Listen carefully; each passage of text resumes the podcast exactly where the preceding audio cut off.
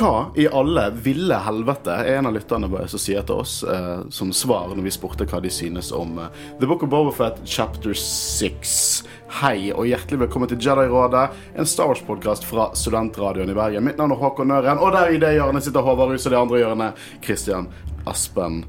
Du Hei. glemte mellomnavnet mitt. Unnskyld meg. Eh, Christian Å, å, Oi, jeg, glemmer, jeg husker ikke hva du Oi. heter. Christian Hau, Haugen. Haugen Takk. Aspen. Det er et godt mellomnavn. Eller ønsker jeg det. eh, Du sa navnene våre sikkert fordi du bare ville komme i gang så fort som mulig og snakke, og så bruker vi bare lengre tid på det på grunn av Jeg bare prøvde på noe nytt. Litt mer sånn wrestling announcer and in this corner. Eh, uansett, vi skal snakke om The Book of Bobafett, chapter 6. From the desert comes a stranger. Uh, helt klart det kuleste navnet på noe jeg live action Star Wars. Digg tittel. Ja, ja, ja. Du, eh, du skjønner jo hvem han refererer veldig til. ja men, men episoden prøver, de prøver liksom bambusle oss, liksom lure Ja, ja, oss ja. litt. Grann. Absolutt. Og jeg Hoi! Dette var, eh, dette var eh, 44 cirka minutter med Star Wars, for å si det sånn. Eh, jeg Faktisk nesten mer ut som en episode av Clone Wars i live action. veldig episode av Men Clone Wars Men det er denne den episoden jeg føler bygger veldig mange veier videre i, i utviklingen, eller utvidelsen av universet. Mm, ikke bare i Boba Fett, men videre serier òg. Ja. Absolutt, Det, det absolutt. Er en av de, dette er en av de meste episodene jeg har fått liksom, OK, her er det mye å spille på. Ja, visst faen. Det, det er nesten sånn at jeg, eh, jeg har litt eh, problemer med å komme med gode dette her. Eh, Kan vi bare begynne litt med Hva synes dere? For det, jeg, jeg mistenker at folk er ganske hypet. Eh, jeg syns at de forrige episodene Dave Filoni har regissert, var litt sånn shaky til tider, det var ikke alt som var like bra, men jeg føler at det bare måtte være han som regisserte denne her, og eh, han gjorde en utrolig god jobb. Han gjorde det. Vi har sett en utrolig utvikling der, og det har vi snakket litt om. At vi har vært hypet for hans episode, fordi vi har sett en utvikling fra Mando sesong 1 til Mando sesong 2, og nå Book of Bobafett. Ja, det der er jeg helt enig i. Han har virkelig fått teken på eh, live action, holdt jeg på å si. I, gå videre fra animasjon, som han har vært vant med tidligere. Du merker at han takler det veldig godt nå. Ja, det, det forbedrer seg, forbedrer seg. Ja, det dette sånn her er den beste Det er litt sånn som Bryce eh, også. Ja. Det, måte, det er en, en utrolig utvikling i bare filmatisk også.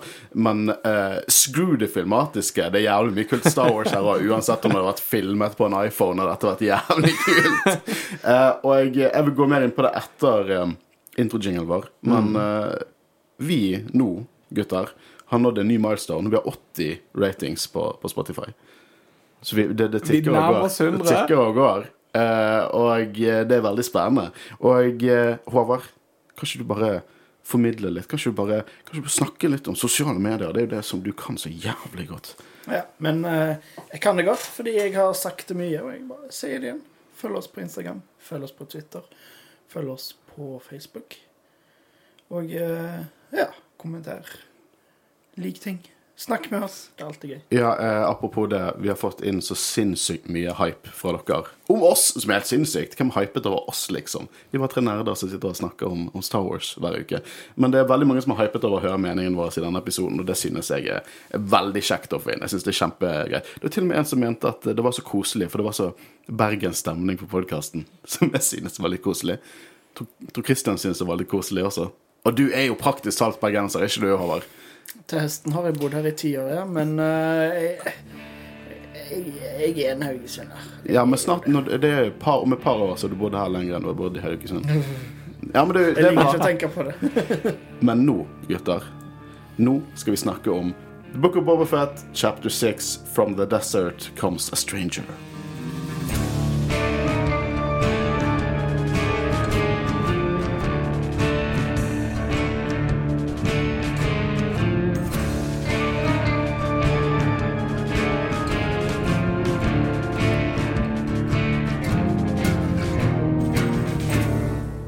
Tatooine. Yay! Ja, endelig. Vi tenkte nå får vi mer Boafett her. Nesten. Han har, de, har, de- har delt rustning. For Cobb Vanth dukker opp. Og det er alltid kjekt å se Cobb Vanth. Vi har jo spekulert om han kom til å vise fjeset sitt i, eh, i The Book of Boba Fett. Eh, og han er en marshal, som han var tidligere. Det virker mer offisielt denne gangen. Så jeg begynner å lure litt på om om The New Republic bare sånn plasserer marshals rundt omkring på planeter de sånn strengt talt ikke har tatt kontroll over ennå, som jeg syns er litt eh, arrogant. Men uansett, han leker politimann i Moss eh, Pelgo-områdene, og eh, han eh, møter på en gruppe med pikes som smugler spice, er det vi kan kalle at de gjør. Og vi får en ganske kul scene der han skyter ned tre av de. De går etter blazeren sin først. Han er fortsatt en veldig moralsk good guy. Veldig, veldig western. Pikes shot first. Og bommer totalt. Har vi eh, tatt opp eh, denne lille eh, pengebeholderen de bruker før? Camtorner. Ja da, vi snakket om det i Mandalorian episode 1, helt back, eh, back eh, in the day. Jeg liker, hvor- mye de har brukt det eh, i Mandalorian og nå, holdt jeg på å si. Ja, ja. Kan du tenke deg det i bakgrunnen av Empire Strikes Back som en iskremmaskin, og nå er det bare et sånn Star Wars staple. Helt konge. Jeg liker denne sekvensen veldig godt. Jeg liker eh, hvor utrolig Sånn de, de, de, de rir på balansen til å bli for klisjé, men de klarer det, liksom. Det, det, det er awesome. Han er så jævla western. Han er, det er som at hvis du har lukket øynene, så har du sett en episode av Deadwood. Eh, og jeg elsker themaet hans og alt. Det er Cobb Vanth vi kjenner. Eh, helt konge. Har vi sett den speederen før i uh, disse seriene? Som de bruker? Jeg For jeg, jeg husker ikke grunnen til at de tar det opp, er fordi at eh, det er samme speederen som Han Solo bruker i solofilmen. Og er det det? Ja, mm. visst faen er jo det. Det. Kul. Det er godt øye. Det la ikke jeg merke til i det hele tatt. Åh, det er derfor du er med her. Og Jeg så, liker utrolig godt denne sekvensen òg, fordi jeg er glad uh, Cobb er med, men eh, han har jo ingenting med Boba Fett å gjøre, annet enn at han hadde gitt rustningen. Så liksom Kanskje Boba Fett kunne sagt 'du må hjelpe meg', eller liksom 'du stjal rustningen min, du må hjelpe meg', men de, de, de gjør det naturlig med at de på en måte pikesene beveger seg inn på hans område og forstyrrer han, og eh, jeg, jeg kjøper på en måte da at han blir involvert. Jeg trenger en interaksjon mellom han og Boba Fett. Jeg syns jeg hører det i neste episode. Hey, that's my armor. That was my armor. Have you done something new with it? Men det er jo her de leker litt, da. Og, og det, er veldig, det er veldig viktig det de gjør her. De viser hvor rask han er. Og han har, sånn, han har en sånn Schofield-revolver som de bare puttet et scope på og kalte Star Wars, som er bare så super western-revolver. Eh, og han skyter ned de to med bare Han vet 100% Han er ikke, han er ikke i tvil på at han ikke kommer til å skyte de ned. Tre stykker og én igjen, og så sier han bare sånn Tenk over hva du gjør nå. Helt konge, og det viser oss at han er en utrolig etablert gunslinger. Han kan shitet sitt. Han er imponerende. Som kommer til å Det er viktig scene å etablere, for det kommer opp noe på slutten av denne serien som, som understreker for nye eh, seere som kanskje ikke har sett Clone Wars, Rebels og Bad Batch, hvorfor denne nye karakteren er utrolig Det er så gøy. Men jeg- Eh, jeg- utrolig skremmende og fryktinngytende. Jeg syns westernstilen både her og i, i slutten av episoden er dødskult. Helt- Eh, helt det er stilig. Og eh, holdt på å si Jeg glemte hva jeg skulle si. Nei, jeg Det er for mye ikke på tanker, Ja, det, det, er for mye tanker. Men gi meg en beskjed om det kommer opp igjen, så, så ja, skal jeg skal prøve. Åh, jeg, Du vet vi alle kompiser her. Vi gir plass når vi har lyst til å snakke om det. Enten det er nå eller litt etterpå. det var sinnssykt irriterende. Fortsett. Ja, eh, Og da kommer jo tittelen. Fra ørkenen kommer den fremmed, og så tenker vi er det Cobb Vanth? Er Cobb Vanth den fremmede? Kanskje ikke. Kanskje, kanskje ikke. Jeg er hypet, i hvert fall. Så vi hopper videre. Eh, Mando i sin badass N1 Starfighter, som bare blir kulere hver gang jeg ser den. Igjen, jeg trenger det Lego-settet. Eh, jeg trenger det virkelig. Det kommer. Ta det helt med ro. Ja, det må komme. Eh, og vi får en sånn En sånn scene som er bare typisk Star Wars weirdness. Som bare sånn Du, du kribler litt i magen av å se det, for det er bare så rar Star Wars. For vi ser fullt av Vi ser fullt av maur, droidemaur, som bygger noe som ser ut som et tempel. Og selvfølgelig R2. Vi må ikke glemme, vi ser R2. Og det var, det var stort. Åh. Men eh, la oss eh, diskutere litt eh, hva planet dette er. For, for det finner jeg ikke noe informasjon om Ingen på nettet. Det står ikke noe definert hva planet er. Helt, det, det står ikke det. Men kan det være en av to muligheter? Er Nummer én. Kan det være eh, beklager hvis jeg uttalte dette feil, men det, det Det ble jo ikke en Jedi-episode uten at du uttaler noe feil. riktig. Så um, uh, uh, Agent Kloss?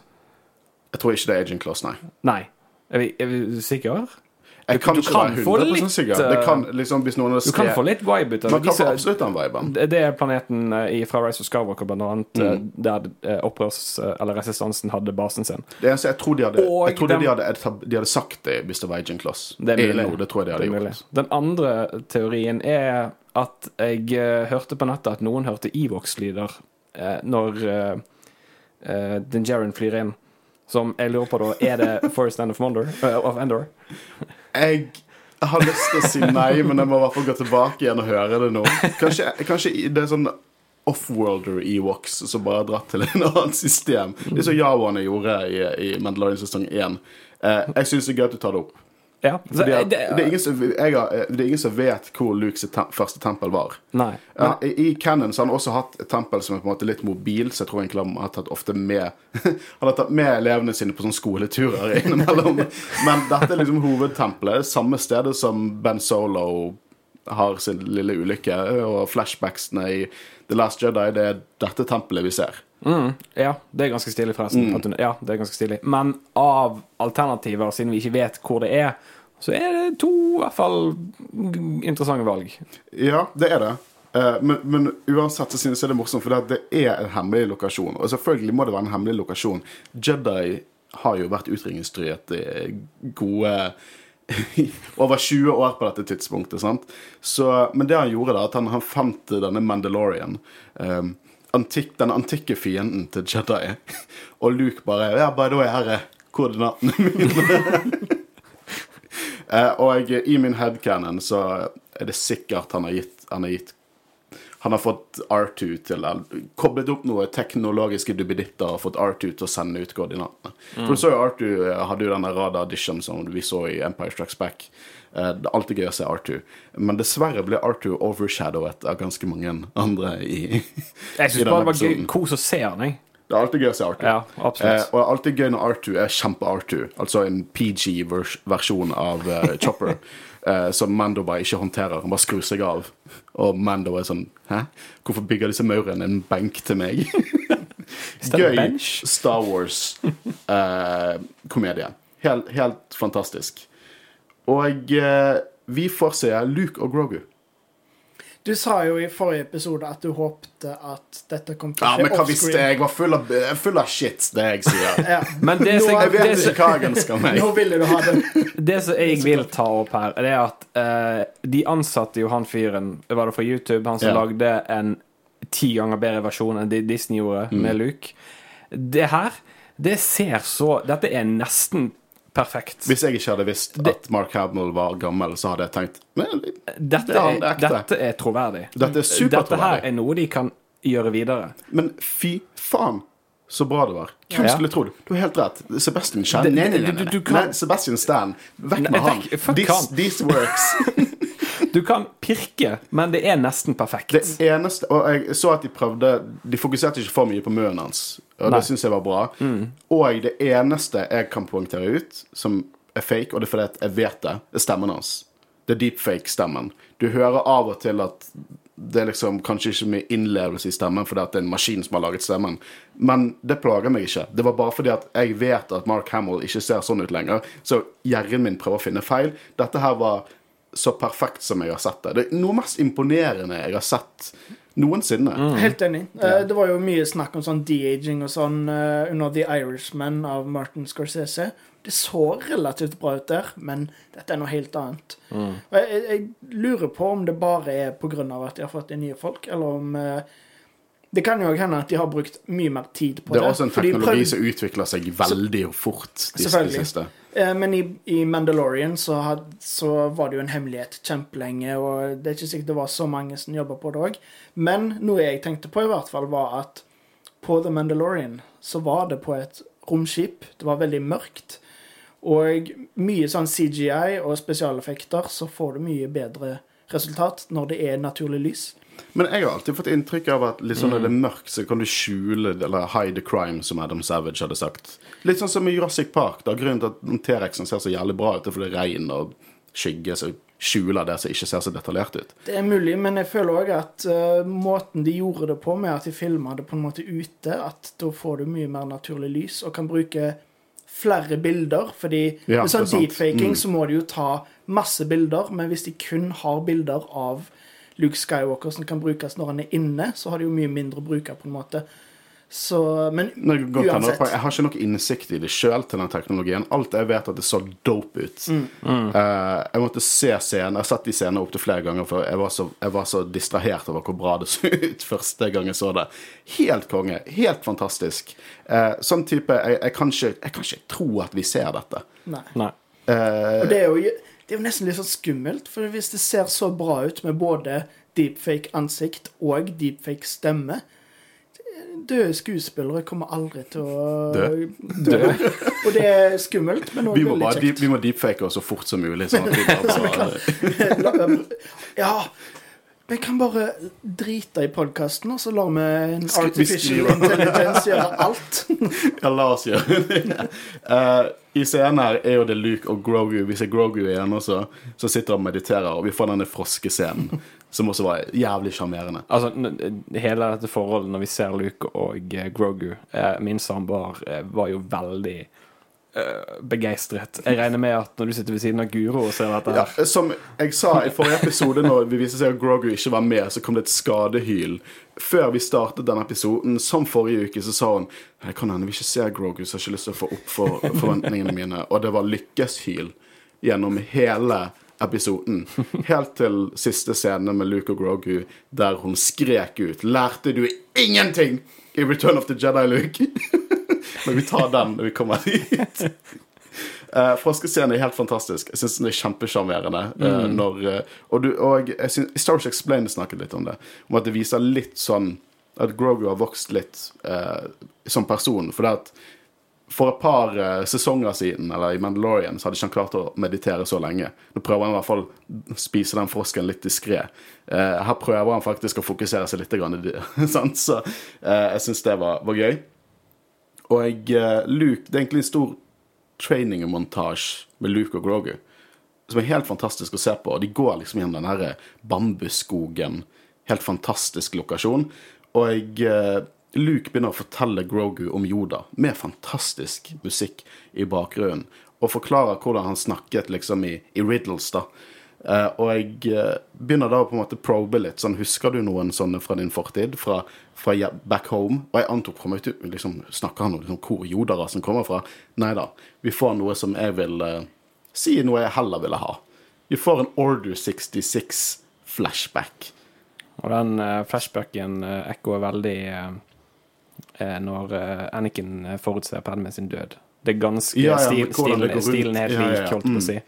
Men jeg syns hele den treningsøkten, holdt på å si, og um, alt som skjer uh, Forrige episode følte jeg uh, eh, hedret veldig prequel-trilogien. Mm. Nå hedrer vi veldig originaltrilogien. Mm. Men samtidig prequel-trilogien. Ja, ja, men i større grad så får jeg Empire Strikes Back her. Og Ja, absolutt. Den.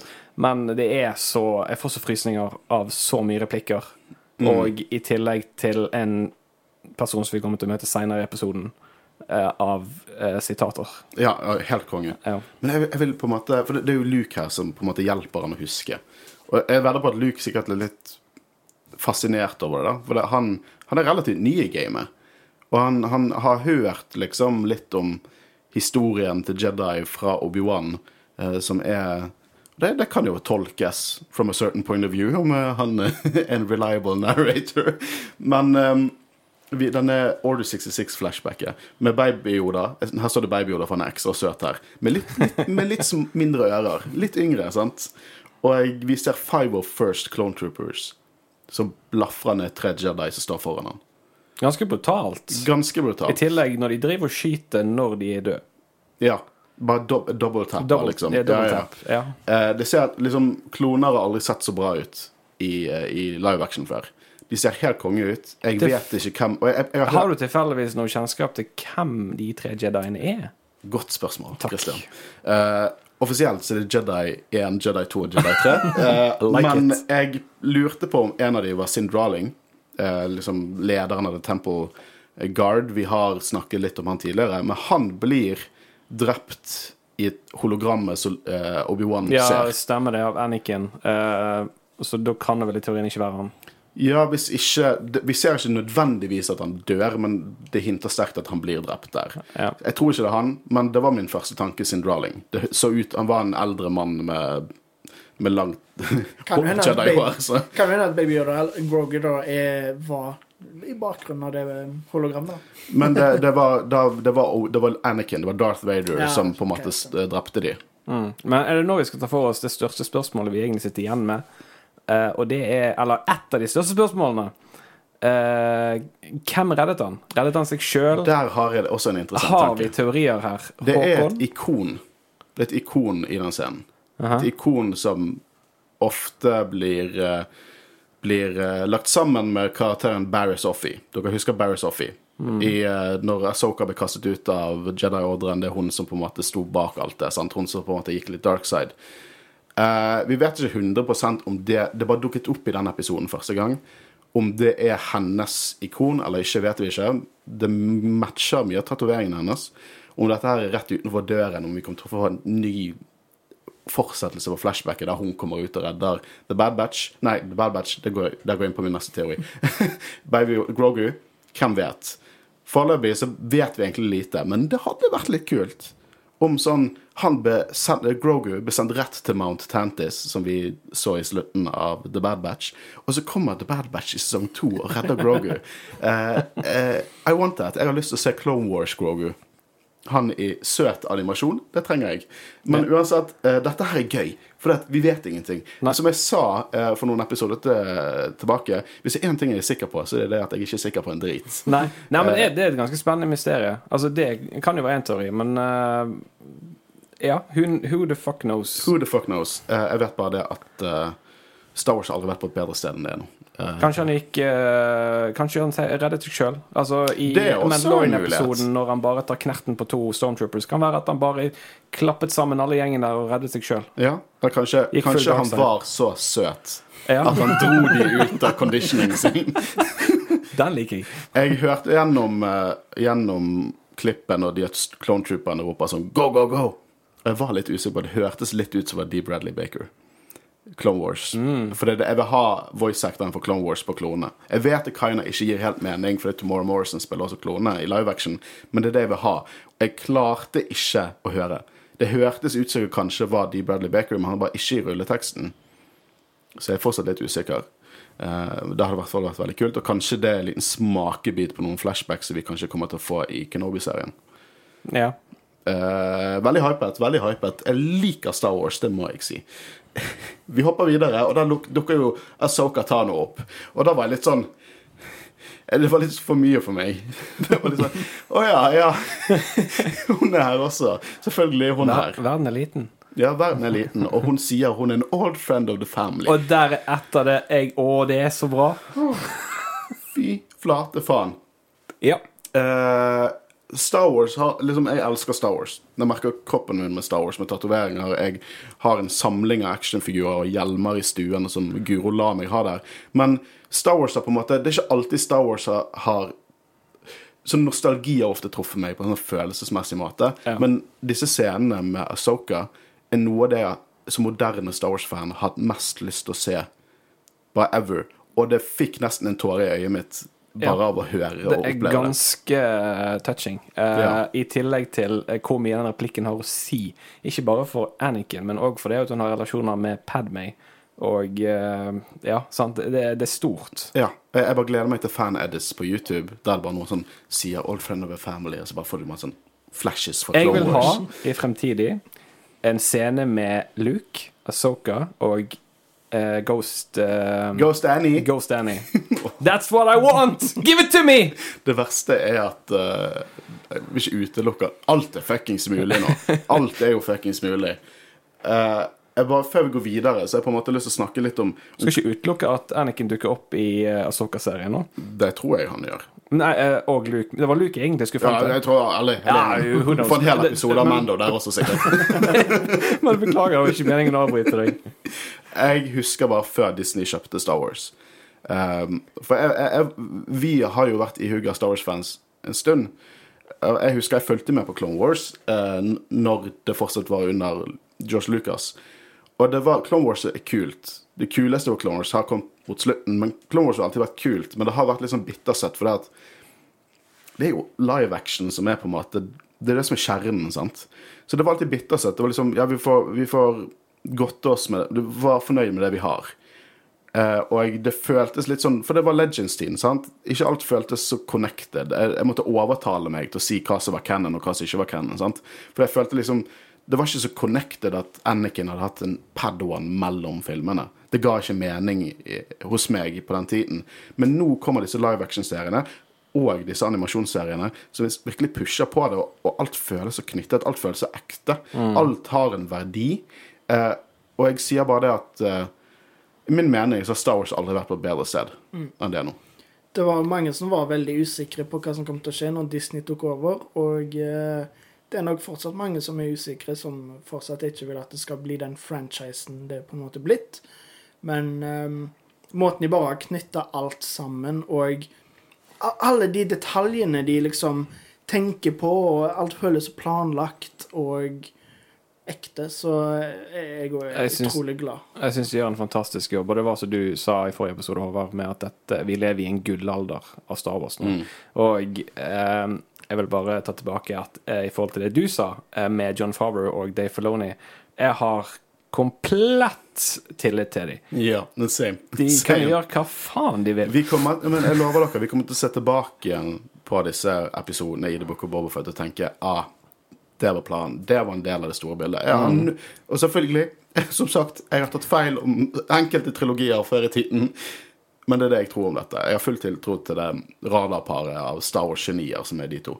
Eh, Men vi hopper videre. Master Luke. Etter Soka sier ordene Master Luke. Det, til og med jeg som aldri vært en sånn Luke-stjerne for sånn Å ja, gøy!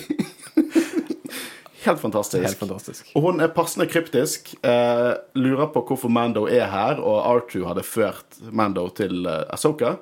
Og hun begynner å snakke litt om at dette kommer til å være en stor skole, og Grogu kommer til å være den første studenten. Men Mando han vil se Grogu, som er forståelig. Og det begynner jo Ahsoka å snakke litt om den der eh, tilknytningen de har. Litt for mye tilknytning. Og Asoka Ahsoka forklarer For det er Mando lurer på sånn OK, hvorfor er du her hvis ikke du ville trene kitten? The fuck you doing, lady? Sant?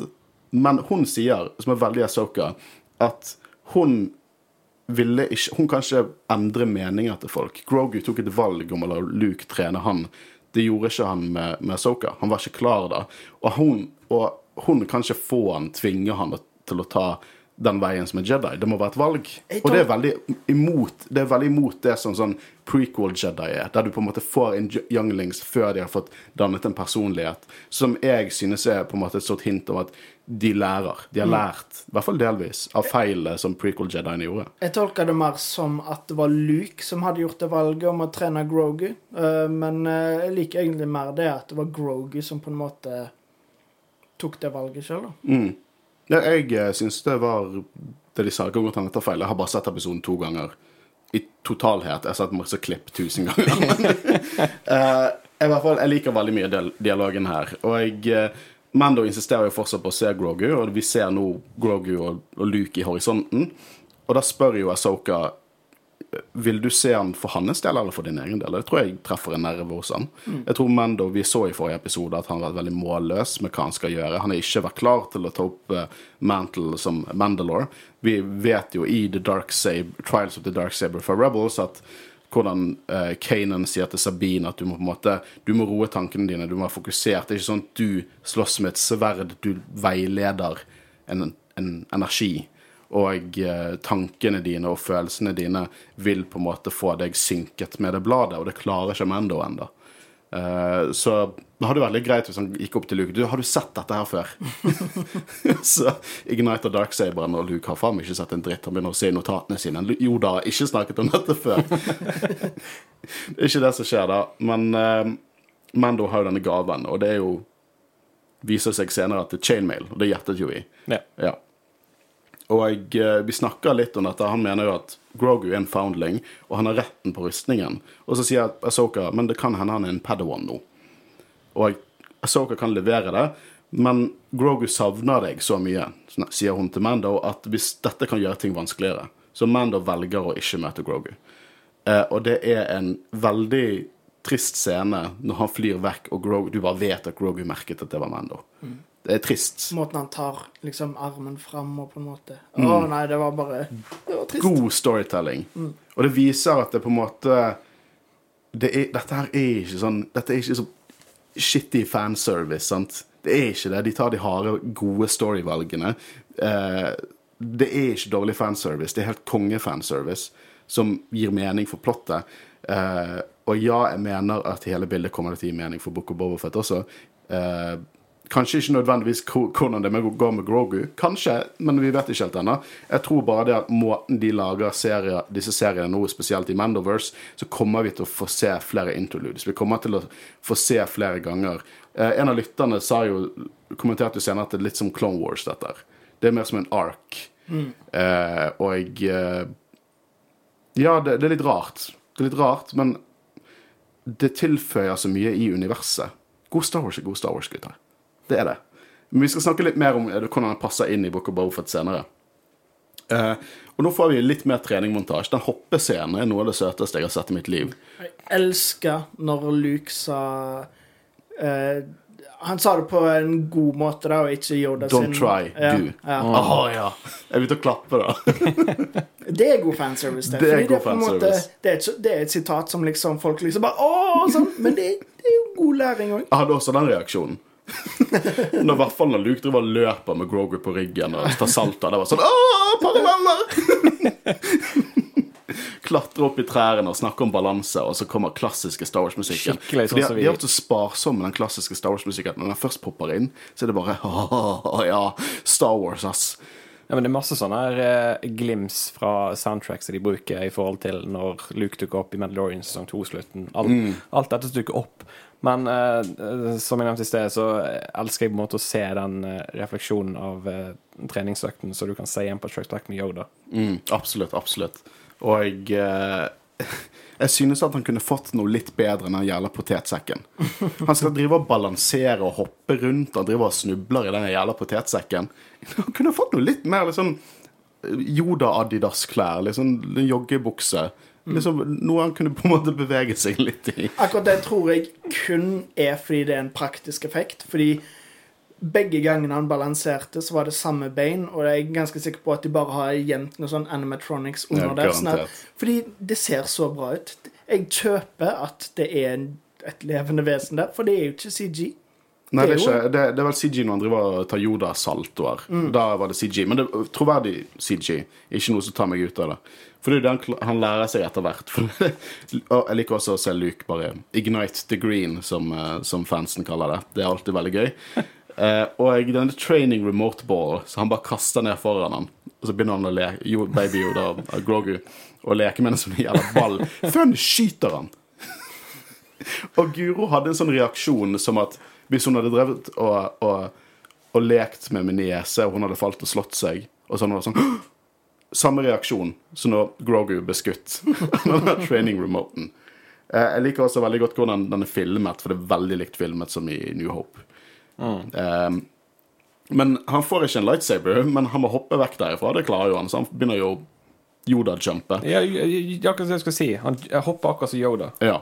Og det glemte jeg å si. Når eh, de går gjennom skogen, og Luke bare driver og sånn pusher han litt Det Ja, som en påsk. Ja. Det, det var, jeg bare, jeg syns det var veldig gøy. Veldig kreativt. Luke kommer ikke til å stoppe opp. Og han er litt lat, men nå plukket han i hvert fall opp. uh, og eh, Når Grogu klarer å ødelegge denne remoten, og så bare peker på han og lager noen sånn babystemmer sånn 'Se hva jeg gjorde!' og så bare finner jeg ut ja, 'Her skal jeg ta meg en liten napp midt på en stein ute på vannet'. Og det er her vi får noen av mine favorittsekvenser. Det er, liksom, det, det er noen av de Star Wars-sekvensene som kommer til å henge igjen hos meg lenge. Ja, for det er, er her kommer enda et sitat som på en måte er sterkere enn det I hvert fall fra min side, så jeg føler, enn det som hun sa i sted. Eh, og det men jeg vet ikke om det var noe før det. Ja, for det at um, uh, Ahsoka kommer jo inn og sier til Luke at, uh, at du har lært han mye. Og så sier Luke at det, han, det virker mer som at jeg får han til å huske han at jeg lærer noe. Og så sier jo Ja, for Det er òg ganske interessant, for det at han, vi er vel kjent med at han har fortrengt minnene sine. Ja, og han har fått trening. For, av flere mestere. Og eh, hun sier noe som fikk meg til å tenke veldig på The Last Jedi. Veldig Yoda sin lekse i The Last Jedi. 'Sometimes the student guides the master'. Og det var bare en Det er sånn quote som bare Pop opp. Topp ti mest ikoniske Star Wars-quotes. Done deal. Dave Filoni, good. Jeg føler det òg er veldig relevant til forholdet Asoka hadde med Anakin i Clone Wars òg. At det var jo på en måte han som var mesteren, men veldig ofte så lærte han av hun òg. Ja, men Absolutt. Absolutt. Jeg er helt enig. Ja. Uh, og god tanke å ta opp, for det er mye Clone Wars i disse episodene. Denne Ja. episoden spesielt.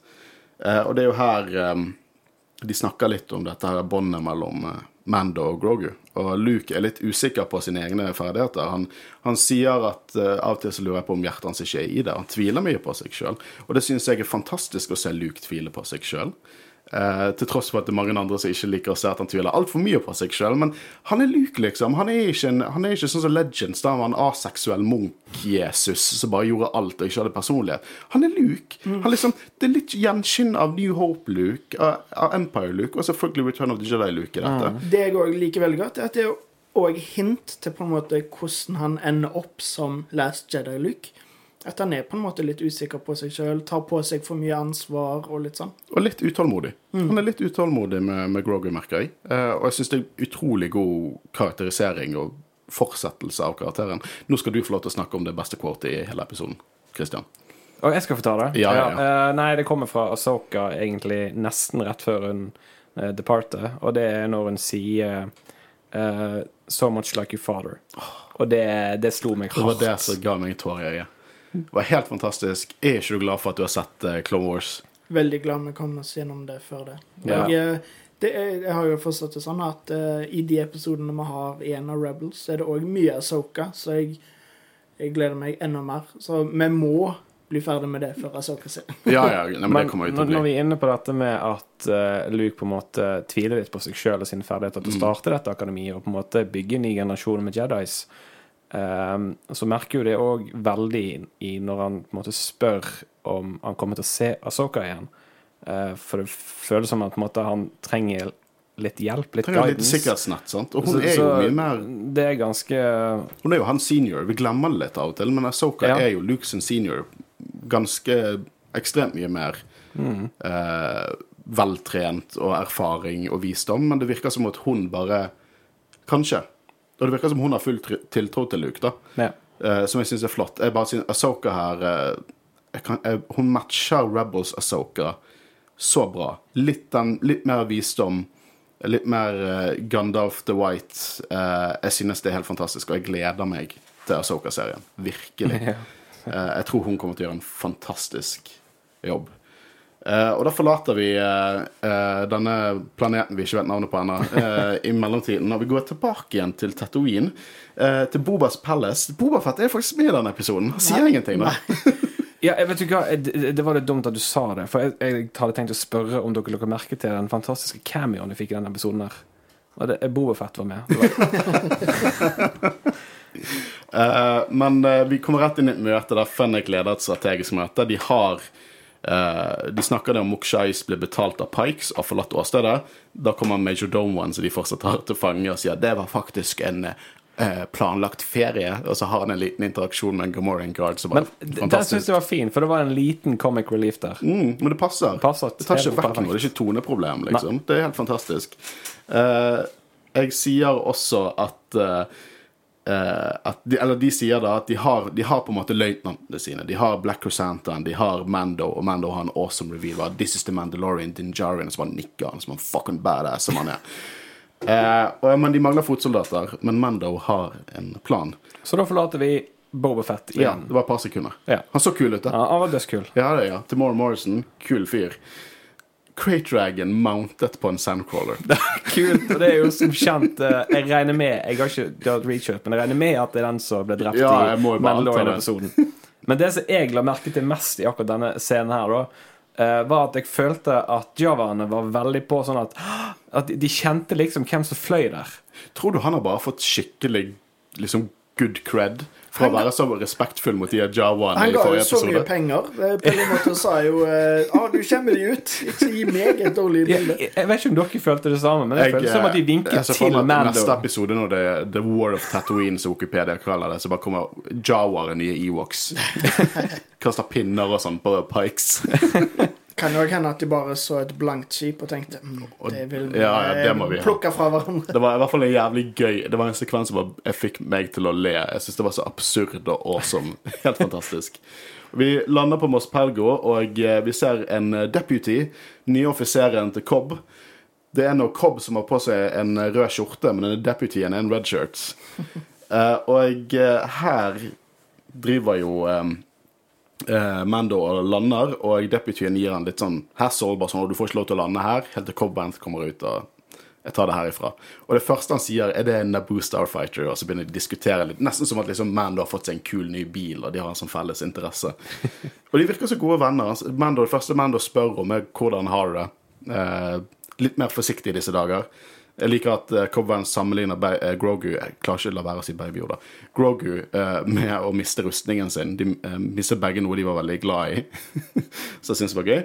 Men det er egentlig der Mando skal prøve å overtale Vanth til å lede en garrison. Da. Led, folkene hans er gode fightere, og det så jo Mando i sesong to mot The Great Dragon.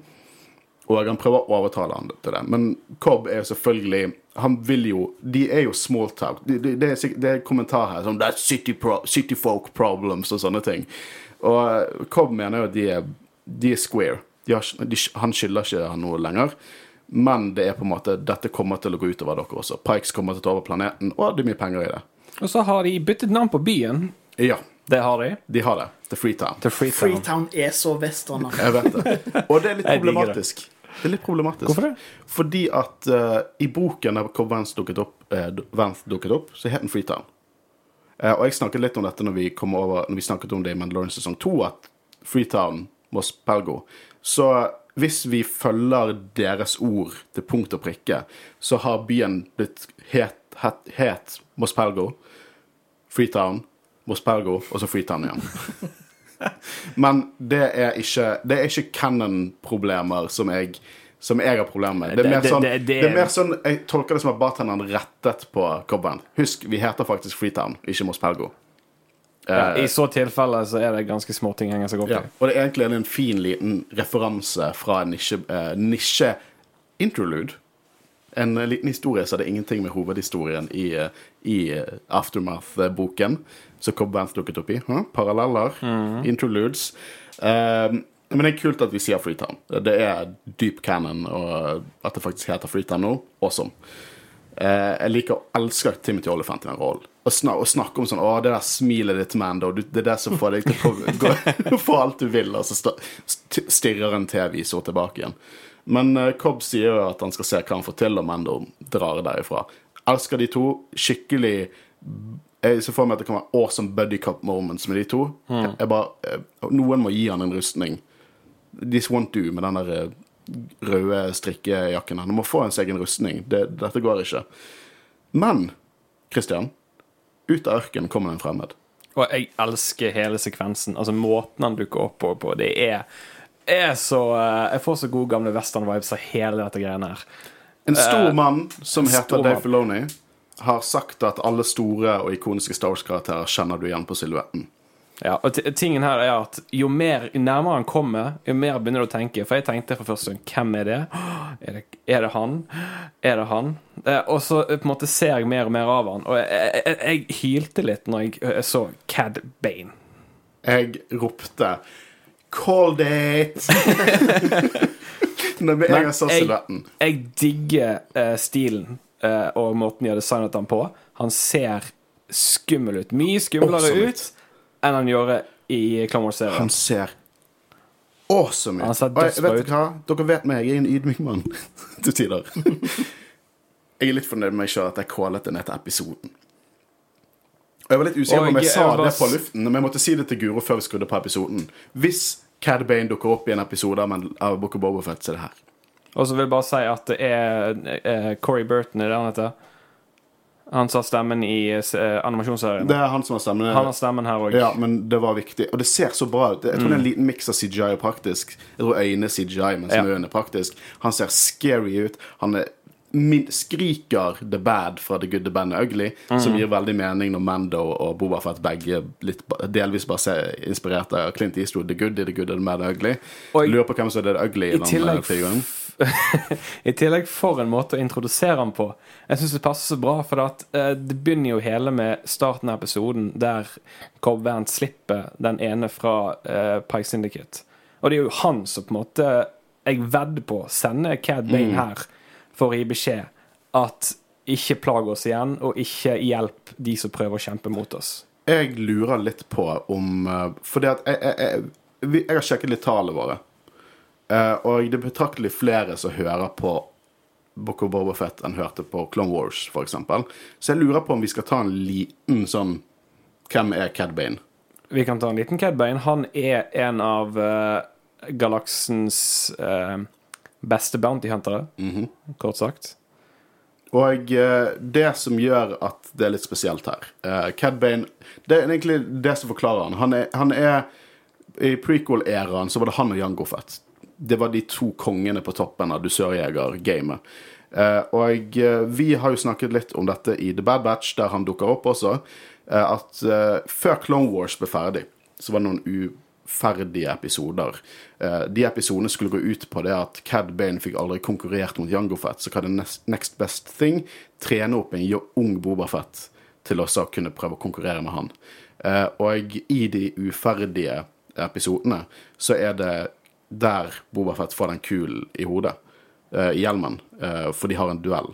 Eh, og vi trodde tilsynelatende For de har sagt dette kan være canon. De har vært litt sånn, vært litt sånn shady på det. det er, sånn, er det canon? Kan være canon? Blir litt usikker. Men når Cad Bane dukket opp i Bad Batch, så begynte de fleste, meg inkludert, å tenke at det var canon. For Bad, i Bad Batch hadde Cad Bane en metallplate på hodet som fikk meg og mange andre, og oss egentlig, til å tro at den duell har skjedd, men Cad Bane overlevde. Så det er mye tilsynelatende er det mye historie bak med, mellom Cad Bane og Boba Fett, og jeg tror vi kommer til å få svar på hvor canon det er i neste episode av Book of Boba Fett. Det er så kult. Og i tillegg eh, så har han jo på seg eh, denne her maskinen, sånn han på en måte har Hva du vil kalle det? Sånn Jeg har lurt litt på det. For at den maskinen, så vidt jeg vet, eh, eh, hjelper han å puste i space, men òg i tillegg beskytte han mot uh, uh, Jedi Force. Altså Ja. eh, Force Show, for eksempel. Jeg kan ikke bekrefte det, men jeg, jeg, jeg stoler på, jeg stoler på det- din dette, lord. dette, er, dette er jeg rimelig sikker på, og det gjør det litt interessant. For det får meg, i tillegg til Så vil jeg gå inn på dette inne, i siste scenen, når vi ser Grogu sitt valg. Men det får meg til å tenke Kommer Luke til å ha en badass moment i neste episode? For at- Endgame shit. Men uh, ja, den maskinen der hjelper han å puste i space, i tillegg til å beskytte han mot uh, uh, kraften til, til de som bruker The Force. si. Men han blir jo brukt The Force mot i Clone Wars. Der de bruker jo mind, De prøver å mindtricke han, og de driver jo og kveler han og shit. Har han på seg den da? Jeg er ganske sikker på det. Jeg er litt usikker. Men uh, det kan godt hende. Vet ikke. Har ikke peiling. Jeg kan, liksom Cad Bane eh, Jeg har sagt i Clone Wars at jeg liker ikke Cad Bane. Jeg fuckings elsker Cad Bane. Ja. Veldig, veldig kult hvis jeg er rett der, da. Eh, jeg, jeg, eh, ja, ja. Jeg håper virkelig ikke Luke dukker opp. Nei, jeg, jeg vet hva, da blir det litt for mye for meg, tror jeg. Eh, jeg håper at fokuset på neste episode blir Da fortjener vi fokus på Bobafett. Er. Vi fortjener fokus, men eh, det har virkelig Det mulighet for det, Denne serien har virkelig tatt sporet til å gi fokus på mye annet i tillegg. Ja. Uh, Cobb, uh, og nå er det her snakker, Vi snakket om i første scene når Cobb Vance var så awesome med gunslingingen sin. Uh, deputyen kommer ut nervøst ut av bygningen, og han vet at han er død. Og hvis faen er han død, han blir skutt sånn her fem ganger midt i brystet, og Cobb Vanth blir skutt i skulderen. Jeg tror Cobb overlever, men det viser at ja, Cobb Vanth, badass Marshall, gunslinger de luxe, men denne fyren her som kommer ut av ørkenen, mye farligere. Nei, jeg tror òg det er litt av grunnen til at Cad Bane skøyt han en gang òg, var fordi at han ville at han skulle overleve.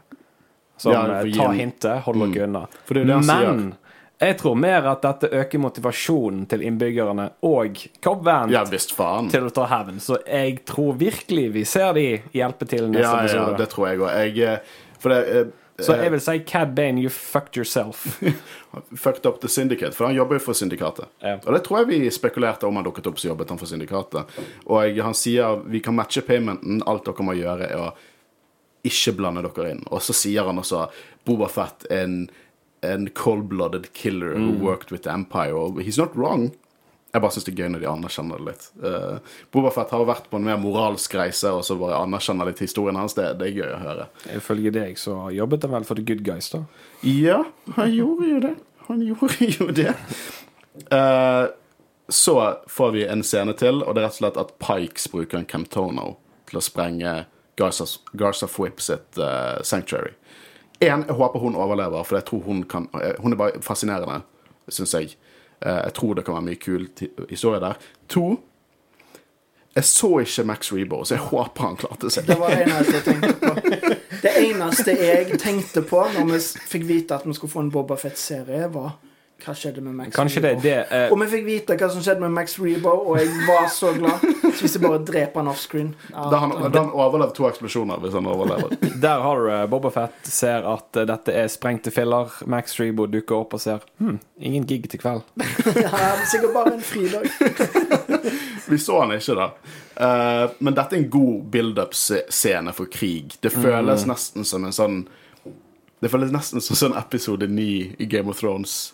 Eller, ja, for det var, ja, episode 9 var liksom den episoden i Game of Thrones der alle the heavy shit skjedde. Det føles litt som en sånn Å, hva faen skjer neste gang? Uh, og så kommer en uh, siste scene med Luke og Grogu i denne episoden, i hvert fall. Og det er Grogu sitt valg. Det der står i, titt, i notatene mine. The Mandalorian Creed eller The Jedi Way. Og Luke presenterer han med to ting. Chainmailen, som Mando har kommet med, og Yoda sin motherfuckings lightsaber. Så basically vil du bli med i Star Wars-universet eller hoppe inn i Lord of the Rings. ja, det òg.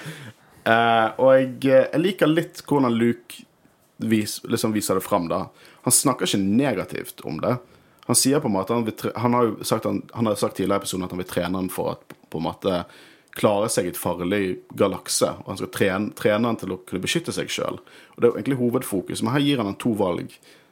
Du kan enten være min første student som Jedi, og jeg kan, jeg kan trene deg til å bli en stor Jedi, men det vil ta mange år, og du kommer mest sannsynligvis aldri til å se din venn igjen, for det at Men, et par det, år for deg er en liv for en annen. men dette valget han får, jeg kjøper det på en måte. For det er som Yoda sa, at uh, uh, a Jedi must have the deepest commitment. Sant? Så jeg, jeg forstår at, at han tilbyr han dette valget. Det som er litt interessant, da, er jo at han tilbyr han et valg. Fordi, som vi fikk vite i prequel-serien, Only Sith deals in absolutes. Det er jo ganske liksom enten Det er her absolutt. eller det. Ja. Men så jeg vet ikke om det er bare fordi Luke ikke vet om det, eller om han på en måte vil gå litt vekk fra Jediens tankegang. Jeg tror at For det, at, eh, det var her Guro skrek 'Har du lært ingenting?' For at eh, hvis, hvis Grogu gikk med Mando, så hadde han gitt inn et liv med attachments. sant? Og forsaken the Jedi way. Og det her Guro ble litt sånn irritert på Luke, for har du lært ingenting av hva som skjedde med deg og din far i slutten av Return of the Jedi, da du fortsatt kan på en måte ha attachment og fortsatt være en Jedi? Og jeg, eh, jeg tror at dette er en, jeg, jeg tror litt at dette er en test. Jeg tror at uh, hvis Yoda Nei, hvis Grogu Jesus Christ. Hvis, det som er Yoda i denne episoden. Hvis Grogu velger den lightsaberen, så tror jeg han får Han kommer til å få chainmailen. Uh, uansett så tror jeg også det at jeg tror attachments i, i på en måte Star Wars-universet når det gjelder Jedi, ikke, det er ikke svart og hvitt. Det er ikke sånn å, du kan være du, An Anakin var pretty goddamn doomed, og det er jo også fordi at han hadde en organisasjon som la det opp for han, at han ble mer desperat, mye mer redd for å miste noe, fordi at han var i fare for å miste noe. Og jeg, jeg tror Grogu sin attachment til Mando er ganske sterk, såpass sterk at det kan være i veien for sunn Jedi-trening. Så jeg tror jeg, jeg skriver ikke det ned som at å nei, han er, han er en prequel Jedi nå. Jeg litt mer der du sier, at han, det virker som han har lært fra, fra feilene til de som kom før han. Eh, helt klart har jo ikke han lært 100 for vi ser jo Last Jedi at uh, det er ting her som Jediene kan lære. Uh, men det er også en Det, det har vi snakket om i Last Jedi-episoden, at, uh, at Luke var stuck mellom to ideologier der, som er på en måte den moderne Jedien og prequel Jedien, og det gjorde at han på en måte Kaina skapte, delvis skapte et lite monster i sin nevø. Men er, jeg tror det er sånn fire timer også som diskuterer Last Jedi et par Hvis du bare scroller litt mer, så finner du Last Jedi-episodene våre. Men jeg tror ikke Jeg tror ikke, jeg tror ikke Luke eh, jeg, tror, jeg føler Det er ikke et så strengt ultimatum som man skulle tro. En, mer en, det er mer enn en test, vil jeg tenke. Mm, absolutt. Og jeg, jeg, jeg spekulerer jo òg at uh, eh, i fortsettelsen her, med at Luke kan på en måte dukke opp i neste episode Bare skyte til teori.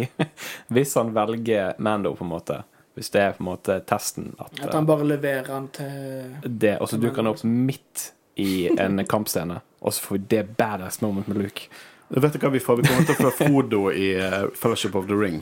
Så Grogu blir skutt ned og bare sånn Oh, he's wearing Beskar. det Men ja, tenk om når vi får en endgame-scene Nei, men hu, hvem vet? Uh, Ja, men det er det jeg har lyst til å snakke om nå. Hva tror dere han velger? Helt ærlig sagt, jeg vet jeg vet ikke, men uh, Det ligger jo på en måte litt an liksom, det, det virker som om de hinter til at han kommer til å velge Mando, men det kan godt hende at han ikke gjør det. At han uh, på en måte føler at Så vi har Bobble. Bobble i N1 eh, Starfighteren. Men som en kjent skuespiller som heter Timothy Oliphant sa i eh, nisje, eller en ganske ukjent film som heter The Perfect Getaway, eh, så sa, han, kalte han eh, foreshadowing for en red snapper. Eh, og den boblen kan være en red snapper, for å si det sånn. Men vi vet av canon at den første studenten til Luke var Ben Solo. Så kanskje Grogu rett og slett ikke blir eh, den første studenten, fordi at han velger en annen vei. Og jeg, jeg tror litt på det. Jeg, jeg har en liten, liten togtanke som går ned der. Fordi at jeg tror at The Game of Mandalore er ganske Det er ikke rett fram. Jeg tror at det er ikke nødvendigvis i kortene at Mando blir nye Mandalore. Jeg tror at vi har Jeg tror Boba har noe å gjøre der. Jeg, jeg, jeg sier ikke at jeg, å si at jeg tror er litt, eh, litt vanskelig. Jeg sier at det er en mulighet. Mythosaur Rising, som uh, The Armor sa i forrige episode. Jeg lurer på om at Din Jaren faktisk kommer til å ta en Jon Snow. At han kommer til å være med i spillet. Han kommer til å enten være en stor pådriver av andre som skal ta over rollen som Mandalore, og han kommer til å bare Kommer til å sette seg ned og, med Grogu og på en måte bare leve livet som en far. Um, jeg føler det kan For jeg tenker at det er ikke best som Grogu passer ikke inn i dette Mandalorian-spillet om planeten de skal ta tilbake igjen, med, liksom, med flere faksjoner innad Mandalorians. Eh, han, han, det hører ikke best for Grogu engang å være med på det. Og jeg vet ikke om det er best for historien, for, for å være helt ærlig. Jeg sa jo også at det er ikke best for historien om Luke dukket opp i denne episoden. Jeg tok feil der, så hvem vet. Men jeg bare tror at det er mer innviklet spill. Og nå begynte jeg nesten å forestille meg hva hvis sånn OK, så alle disse Mandoverse-seriene er egentlig bare store sånn En stor sånn oppbygging til hvem som blir de store spillerne i The Game of Mandalore. Så du har The Mandalorian, når du Book of Bobafett, når det rykter om at det kommer en Bo-Katan-serie. Kanskje den også kommer til å bygge opp hennes rolle som potensielt Mandalore. Du har tre karakterer her. Eh, Bobafett, Bo-Katan og Din Djarin. Bobafett er han Mandalorian? Ja. Kinda nei. Nei, kinda ja. Det er svaret der. Han har helt annen til tilnærming til det å være Mandalorian. Faren er som Mandalorian. Ifølge Creedon, som Mando følger, så hadde han rett på rustningen sin. Mando kommer fra Children of the Watch. En kultist-fanatikere følger gamleveien. Og Bo-Katan er en mer moderne, liberal Mandalorian. Det er tre ulike, vidt ulike tilnærminger til det å være Mandalorian. Og jeg lurer på om det har noe å si, om det kommer til å bety at det er tre spillere i det spillet. Eh, nå spitballer jeg til de grader. Men jeg bare Bobafett ble Mandalore i, i Legends. Han ble det. Um, og det er han som har tatt oppgaven på seg sjøl nå, en lederrolle. Han vil lede. Så jeg vet ikke. Kan jo hende at han taper krigen om Tatooine, men eh, heller vil gå for Mandalore. Det er bare Foreløpig så ser jeg ikke hvorfor Bobafett skal ha de motivasjonene. Hvorfor han ønsker det. Hvorfor han ville ønsket det. det er bare, men jeg tror, at, jeg tror det er dette serieskaperne vil at vi skal diskutere. Men jeg tror vi kommer til å bli mindblown i neste, neste episode. Ja, det, det, det tror jeg. Men, Eh, eh, men jeg har lyst til å snakke snakke om vi- en liten ting. Ja, jeg òg har lyst til å snakke om Ja, en liten ting. Kanskje vi, snakke, kanskje vi skal snakke om det samme. Men jeg tenkte vi kunne ta litt uh, lore-dumping, eh, for at uh, en interessant ting som ble introdusert der, er jo Yodas lightsaber, faktisk. Å, skal vi snakke om det samme? Du har gjort leksene dine i dag.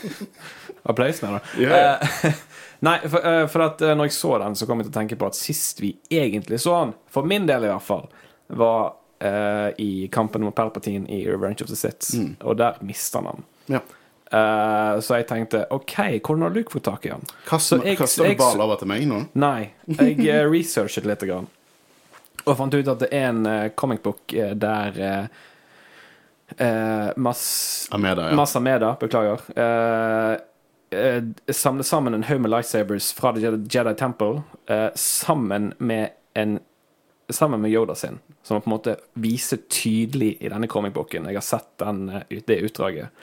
Og brenner de Mm. i en uh, bolle, eller hva enn du skal kalle det. Jeg bare skjønner ikke hvordan du fikk tilgang til notatene mine. Jeg har ikke jeg har ikke lest notatene dine. Uh, og det, det er på en måte OK, har de retconnet dette? Det er det jeg lurer på. Men igjen Så gjorde jeg enda mer research. Men dette her vet jeg ikke om Legends eller Canon. Ja. Jeg leste at Yoda bygde en ny lightsaber.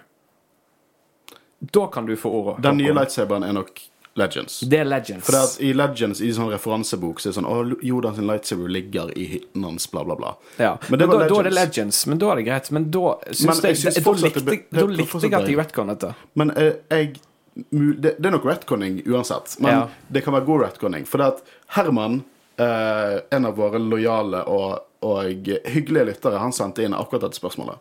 Eh, og lurte på er dette her bare Filoni igjen som bare ignorerer Cannon. For han har litt dårlig eh, record nå på å ignorere Cannon på sånne ting som farger på lightsabers og hendelser i Order 66 som jeg i min mening føler var unødvendige endringer. Dette var en nødvendig endring. Ja, jeg syns det var god retconning. Men er det liksom Vi vet i den scenen Det er når etter eh, Palpatine har tatt over som keiser, og det er en stor sånn Foran folket i Coruscant så har de en stor propagandapush, og Jediene er eh, svikere, de har prøvd å drepe meg. Her er alle de, deres, deres forræderes lightsabers, inkludert Yoda sin, kaster det ned og skal brenne det. Det er før Vader får sin første light, lightsaber. Liksom Palpatine står i skyggen og snakker med Vader og sier sånn du kunne fått en av de lightsaberne til å lage en nye, men det er ikke the Sith way. Du må drepe en Jedi for å ta lightsaberen. Skal, vi skal dekke de tegneseriene en eller annen gang, for de er awesome. Altså, vi, vi skal gå innom det. Ja, ja, Ja, okay. Uh, men det som skjer, det er at Massamida holder uh, Yoda sin lightsaber foran folket. Masse lightsabers i en sånn her hull bak han. Maskineri. Kaster Yoda sin lightsaber nedi, og så en stor eksplosjon oppover. Uh, og Massamida blir sånn overrasket. Så du ser jo på en måte at han blir tilintetgjort. Ja, kind Eh, Kinda. ja, men for det at det hadde ikke overrasket meg i en organisasjon som The Empire med så mye fasade og propaganda og svik og dritt. Og personen til, som er Palpatine, som er Darth Sidious, det, det, det, det skriker en person som liker å ta trofeer. Det er bare for meg, det er ikke, det er ikke utelukkende at Palpatine liker å ta, ta trofeer. Så jeg, liksom, Hvis de hadde forklart meg sånn at det var bare for show For hvorfor skulle The Empire, som egentlig er jævlig opptatt av å samle Kyber-krystaller på dette tidspunktet, bare brenne flere tusen lightsabers med Kyber-krystaller? Så det godt hende dette bare var for show. Det, det er, jeg tror ikke det var for show når vi leser tegneserien, men det at det er det som er retconning, at det bare var for show. Det du mener da, at det kanskje ikke er retconning, men at Det er jo retconning, men god retconning. Ja. Ja. ja. Det kan være god retconning. Eh, to vi har, jo, vi har sett så mange Jedi bygge nye lightsabers. Det kan ha vært en rett og slett en ny lightsaber han bygget. Hadde, hadde Grievous vært i live, så tror jeg han hadde trengt en større frakk. Det, men det jeg, jeg, bare, jeg, jeg ville ikke utelukket at, at det kan være grunnen her. Nei, men jeg liker det. Nei, ja, jeg, jeg, jeg syns det er viktig. Jeg synes det var en viktig Ja. del av denne historien å ha Yoda sin lightsaber, og jeg, eh, jeg har lest denne tegneserien. Jeg elsker denne tegneserien. Jeg, tror- jeg syns det er en av de bedre tegneseriene som det har kommet ut i de siste Vader-tegneseriene. Men Men eh, dette, hvis det var et offer eh, for tidligere etablert canon, så tenker jeg at OK, jeg skjønner hvorfor dere gjorde det, for dette var jævlig bra, og jeg føler det er rom for å forklare hvorfor det skjedde. Jeg føler ikke at dette er bare et sånn Nei, ignorerte canon. Det kan være en god forklaring. Til og med måten det er tegnet på, så blir Master Mida litt sånn overrasket, for det kommer sånn stråle opp fra lightsaber-hullet. Så det kan godt hende at det bare Nei. vi skal etter, etter, Dette for folket. De skal tro at vi ødelegger de grusomme våpnene, men vi skal hanke inn eh, alle disse kyberkrystallene. Og Jodas da, sånn lightsaber, ja, den har jeg lyst til å ha i hyllen min på kontoret mitt. Det- Jeg føler gode, gamle Skiv eh, kunne fått til å gjøre noe sånt. Absolutt. Så hva, hva, hva syns dere om eh, denne episoden? Var det bra? Var det, var det bra? Jeg likte den utrolig godt. Uh, mye god fanservice, men òg mye ting som på en måte ikke nødvendigvis er fanservice, men bare bygger videre på en god måte. Mm. Uh, og jeg skjønner jo at folk, enkelte folk er litt skuffa over at det er overraskende lite Boba Fett i serien til Boba Fett. Men allikevel, når det er så bra som det er, og det vi får, føler jeg det gjør ingenting.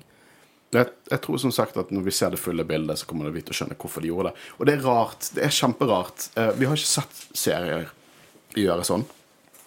Og som jeg sa til gode gamle Marius fra Tegneserieligaen, at, eh, at jeg sa jeg elsker dette her, og det gjør jeg. Jeg synes det er helt fantastisk.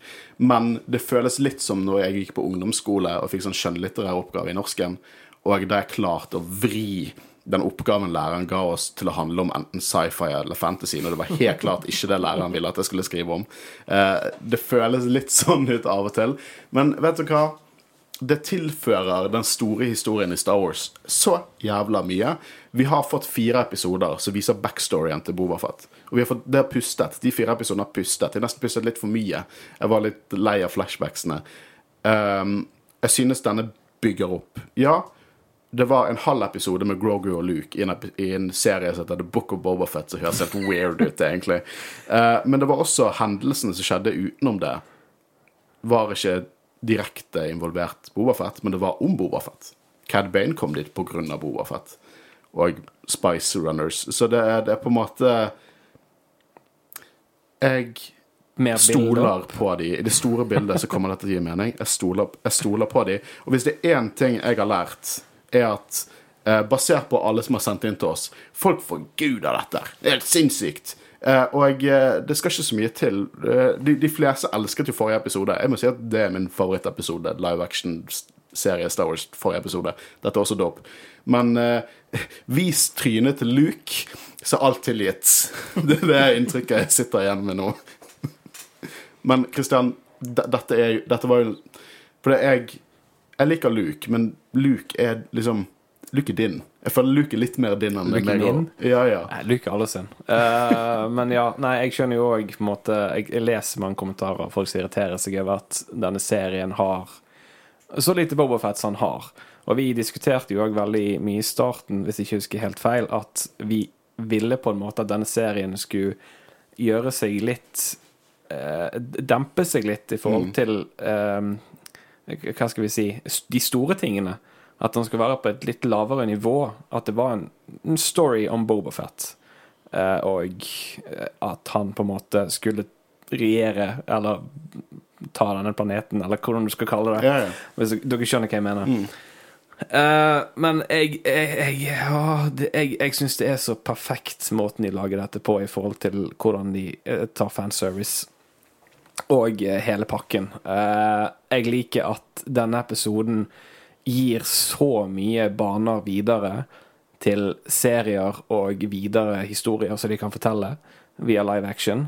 Eh, det, det, det bygger opp til noe videre. Det er det motsatte av det sequel-trilogien gjorde. Det, det sequel-trilogien gjorde, det var ingen tilknytning til hverandre. Det var som to-tre separate filmer. Det er ikke det live action-seriene gjør. De, det er planlagt. Det oser planlagt. Og ja, Bobafett Han har vært, hatt fire episoder, sånn at Vært med Kaina i en og en kvartels episode nå. Men jeg- han kommer jo han, Det er garantert at Bobafett kommer til å bli en stor sidekarakter i Mandalorian og live action-seriene videre etter dette. Ja, for Hvis vi kaller dette her sånn som du sa forrige episode, sånn som de på en måte har sagt Dette her er Mandalorian 2,5. Uh, og jeg har ingen tvil på at Fett kommer til å skinne som bare gull i neste episode. Ja, og, det tror jeg. går det- videre i Mandalorian. det, det er litt med den tiltroen du har til Dave Filoni og uh, John Favre når du ser dette her, som er gull, uh, det de har laget. At jeg tviler på at de kaster vekk Fett i neste episode. Han kommer til å være midtpunktet i neste episode. rancor i neste episode. Ja. Han, han, han kommer til å skinne så mye i neste episode, og det er så mye tiltro jeg nå har til de to guttene eh, etter det vi har sett de to siste episodene, som er noe av det beste jeg har sett i live action. Nei, jeg, jeg er enig. Eneste er at det er Robert Rodriguez som lager neste episode. Men hvis en ting han kan, så er det action. Det kan han. Så dette er som julaften hver uke. Jeg gleder meg dritmye. Men dere lyttere, dere elsker Star Wars, og helvete så mye dere sender inn til oss. Så vi kan selvfølgelig ikke ta opp, eh, ta opp alt. Men hver eneste lille ord dere poster eh, til oss når vi spør om det, og utenom setter vi så jævlig mye pris på, og vi tenker vi begynner med Håvard. Håvard, hva har lytterne våre sagt til deg i dag? Hvem skyter på Grogu og flirer etterpå? Psykopaten Luke det. Men ellers beste live action-episode. Jeg har tenkt litt det. Måten Luke bare sa Det var en god lærdom i det da, når han må, liksom sa 'get up'. Always get up. Uh, men allikevel Jeg, Jeg, jeg jeg syns synd på mener Grogu etter det. Altså. Husker jeg helt feil i forhold til den uh, scenen når han trener med den sjøl i New Hope? At han faktisk sier 'au', han fikk litt vondt? Og at han ikke har sympati med Grogu da? Bitte lille Grogu! Det er liksom Jesus. Tror du noen av main characters dør i neste episode? Fennec Shan, for eksempel. Det er ikke mulig. Jeg håper nesten at de gjør litt sånn Game of Thrones, at Mm. ingen er sikre. Men allikevel så er jeg litt redd for at de tenker merchandising og alt mulig sånn, at de vil ha folk med videre. Men um, Ja. Jeg føler at hvis noen skulle Santy Kanskje han dør. Eh, Men ja, jeg tror det kunne vært god story hvis uh, Fennec døde. Men jeg tror ikke de er ferdig med Fennec. Du Jeg tror har, det er flere historier. Jeg tror egentlig mer at det er mer historier å fortelle der. At jeg tror ikke Jeg vet ikke. du har jo lyst til å se alle disse karakterene videre på reisen. Så det er jo har selvfølgelig ingen som ønsker de, at jeg har lyst til å se de i The Final Siege of Mandalore, som vi kommer til å få. Ja, altså at noen dør på veien, men jeg håper nesten ingen dør i neste. Er det er, det er nok heller større sannsynlighet for at f.eks. Black Chrysanthemum Hvis eller Boa Fett dør i neste episode, da ble jeg faktisk oppriktig lei meg. sikkert et par av de der modbikersene og Ja, det går fint. Ja, det Size matters not, med mindre du skal gå på tur, tydeligvis. Med en super episode. Og der refererer hun helt klart til når, når eh, Luke driver og løfter Grogu med The Force. Som er jævlig søtt. Så det var gøy. Måten Det virker som eh, Grogu hadde det ganske Ja, gøy. men det. Føltes som en Clone Wars-episode. Digga det. Gleder meg til finalen neste uke. Og ja, som jeg sa innledningsvis, uh, Dave Filoni har gjort det utrolig bra. Og uh, overgangen mellom animasjonen til live action nå har han virkelig naila. Og eh, ja, det føltes ut som en Clone Wars. På en veldig god måte føltes det ut som en Clone Wars-episode. Jeg er helt enig. Likte hvordan de fulgte flere karakterer, plotlines samtidig. Det savna jeg i episode fem. Og eh, jeg vil ikke si at jeg savna det i episode fem, sånn egentlig, fordi jeg syns det passet veldig at vi fikk et helt kapittel med Mandalore Nei, om, med Din Nå hoppa du litt langt fram. Vi vet ikke om det er han som blir Mandalore ennå. Eh, ja, at vi fikk et helt kapittel med Din Jaren, det likte jeg veldig godt. Uh, men jeg likte òg at vi på en måte knytta det litt tilbake til Book of Boba Fett i dag, og fikk sånn som den scenen med Garza Whip som uh, eh, fikk Sanctuary Det føltes også som en liten Star Wars-film. For de hoppet litt fram og tilbake. Sant? Og det, det, var, det, var sånn, det var en sånn liten stemning jeg ikke har klart å sette prikken på. Jeg tror det er det nettopp at de fulgte flere plotlines. Jeg syns det var veldig flott. Men Christian, du har jo ting å si, du også, har ikke du? Hva sier din, eh, din fanfare? uh, nei, uh, først sier jeg at når en klone, en frosk og Yodas lightsaber får mer screentime enn Boba Fett You're not det, er faktisk, det er faktisk sant. Det, en frosken fikk faktisk mer screentime enn Boba Fett. Sa mer også. Hæ? Den frosken sa betraktelig mye mer enn Boba Fett gjorde i den episoden. Ja, for Boba Fett nikket bare. Ja. uh, ikke bare nailet i episoden, men også utseendet til Luke. Og det er Ja, det har vi Jeg snakket om. kommer faktisk ikke helt over Nei, hvor bra det, det- så ut. Eh, Natt og dag. Jeg kommer til å ha problemer med å gå tilbake til Mandalorian etter dette. Eh, Cad Bane var fant Cad Bane var faktisk mad creepy. Og det er jeg helt enig i. De har nailet designet hans. Ja, fy faen, altså. Det, det, han ser litt, litt mer eldre litt eldre ut. Han så bare blek ut, liksom. Mm. Men det matcher også veldig hvordan Duros så ut i New Hope, så jeg lurer på om det er kanskje litt sånn animasjon versus live action de har gått der. Men det også kan være det at han rett og slett bare er eldre. Det er jo 30 år siden vi så han sist. Kanskje han ikke like sann, han heller. At han bare Jeg håper han fortsatt har Jeg håper han har de her eh, skoboosterne sine, jetpack på skoene sine igjen. Det har jeg lyst til å se live action. Ja, det hadde vært Ja, ja. Eh, bare for å fullføre den eh, eh, kommentaren der, så skriver han òg Eller hun håper han og Bobafett får standoffen sin. Det håper jeg òg. Ja. Ikke gi den til Mando. Den fortjener Boba Fett å få. Mm. Å, jeg trenger det. Eh, jeg trodde ikke at forrige episode kunne toppes, men fy søren, det gjorde den. Og Gjorde den det, det for dere? ja.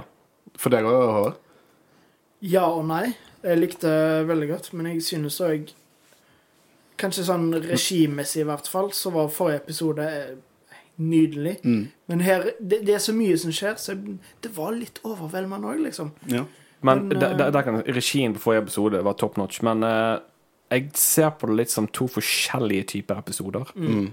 Og, og derfor på en måte synes jeg at de er ganske høyt oppe, men jeg tror det går litt òg på eh, eh, hvor eh, glad du er i ah, Nei, vet du hva, jeg vet ikke hvordan jeg skal fullføre den setningen engang. Men jeg skjønner hva du mener. Jeg for min del eh, synes at episode, forrige episode var hakket bedre. Den, den blew my fucking mind. Den blew my fucking mind også, men eh, min, min mind var litt mer blown forrige uke. Um, oh yeah, it's all coming together. Sex gjør at fem passer bedre inn. Det er jeg helt enig i. Jeg, jeg synes at de ror den inn her. Ja, Boba Fett var ikke teknisk sett mye med. Oi, beklager. Det var en uh, Mandiverse Let's Go, står det under. Ja. Den, så ikke. Men jeg, jeg synes at de rodde det inn her. Det, det gikk tilbake igjen til å handle om hendelsene rundt Boba Fett. Og det er The Book of Boba Eh, det er hendelser så, Ja, vi har hatt en liten sidetrip med, med Grogu og Luke, men jeg tør å argumentere at det er det eneste som bare direkte ikke nødvendigvis har med Boba Fett å gjøre akkurat nå. Uh, jeg føler fortsatt episode fem var en interlude som hadde karakterisering og karakterreising som matchet uh, fortellingen til Boba Fett, og at det kommer til å spille en rille på, rolle inn på deres karakterforhold. Uh, og jeg føler at de rodde det inn. Det er perfekt oppbygging til krig. The War of Tatooine, denne episoden. Um, en av de beste hittil. Skulle ønske vi hadde litt mer av Boba Fett. Luke så helt fantastisk ut. Det er egentlig bare det jeg har lyst til å Jeg håper neste episode blir jeg, For det har jeg sagt før, vi har ikke sett Bobafett kick ass i rustningen sin ennå i denne serien. Uh, og jeg, eh, jeg tror oppriktig at de venter med det til siste episode. Der kommer han til å kicke ass. Hver gang han har gjort noe action i rustningen sin i denne serien, så har de bare sånn vist oss en slowpoke chase, og så bare er det han som flyr i overkanten. Vi har sett han og lander. Vi kommer til å se noe awesome uh, neste episode. Det tror jeg. Jeg har noen uh, som har sendt inn. Uh, første er fra Tegneserieligaen. Podkasten Tegneserieligaen. Hør på de. De skriver det 'Elsket The Grogu and Friends Show', og Boba endelig tilbake hvordan han var i originaltrilogien. Altså, de, de hinter til at uh, i originaltrilogien så var Boba Fett bare i bakgrunnen og nikket. Én. Good one. De tok min spøk. Ikke le av de. For at, uh, i går så tok jeg med, jeg, med med et par voksenbrus med gutta i Tennisærligaen, og så sa jeg denne spøken til de, og så har de bare alle Så sende den min spøk tilbake igjen til oss. jeg, jeg må si at min spøk Jeg følte den var bedre, med at eh, det var en veldig god cameo i denne episoden. Ja, den òg. Men ja, men Tegneserieligaen det Get your own material, hæ? Grogu er lik the new Tar Wiesla. Og det hinter jeg til. Han kan jo være begge deler. Tar Wiesla var jo begge deler. Kanskje noen skulle tatt opp en historiebok til Luke. Se her, han har fyren her, begge deler. Mandalorian og Jedi. Eh, det er derfor jeg har lyst til å ta med akkurat denne kommentaren her. Og det er en her. Litt mer negativ, for det kan aldri være totalt positivt, selv om det var overveldende mye her. Men her er det en som sier i overkant mye fanservice, og store fjes ødela for wow-effekten av CAD Showdown. Gjorde det for dere? Nei. Nei, ikke i det hele tatt. Jeg har, eh, Det gjorde det ikke for meg heller. Det, det største wow-øyeblikket mitt i denne episoden var Cad Bane. Og det tror jeg litt fordi at jeg har sett Luke og Asoka i live action før. Og en liten del av meg tenkte at kanskje Luke kom til å dukke opp i denne episoden. Eh, selv om jeg spekulerte at det kanskje skjedde offscreen. Uh, men det ødela ikke min wow-effekt. Men det, er trist å høre at uh, jeg, jeg skjønner hvor han kommer fra. Det var mye wow, wow, wow her. Mye shit på en gang. Men jeg, jeg, som sagt, jeg føler de har lov til å gjøre det når vi allerede har sett de karakterene i live action før. Um, fysisk Five of First klonerustning. Elsker prequels, men så ufattelig mye bedre ut her. Det er det. Er det praktiske klonerustninger, eller er det CGI? Fordi at jeg har sagt mange ganger før at min store drøm eh, er å se kloner i praktiske rustninger og ikke CGI. Og jeg har studert de. Det er noen fine close-ups. Jeg klarer fortsatt ikke å si om det er praktisk eller CGI. Jeg tror kanskje det er CGI. I så fall er det jævlig vellykket CGI, hvis jeg ikke kan si det. Jeg synes jeg så noen sånn klipping mellom rustningdelene, men jeg vet ikke. Eh, de så i hvert fall jævlig dope ut, de klonene. Eh, de har, kloner har aldri sett så bra ut. Dette er det beste eh, Kloner har aldri sett så bra ut som de gjør i denne episoden. I Book of Bobafett, i en Grogu-flashback. Cad Bane, what the fuck? Nå må dere i hvert fall spise grøt. Du spiser grøt. Jeg kålet dette. Jeg gjorde det. Det var, skulle kanskje ikke så mye til å kåle det, men jeg gjorde det for det om. Uansett, jeg gleder meg jævlig til neste episode. Holy shit, jeg gleder meg til neste episode. Jeg håper den er to timer lang.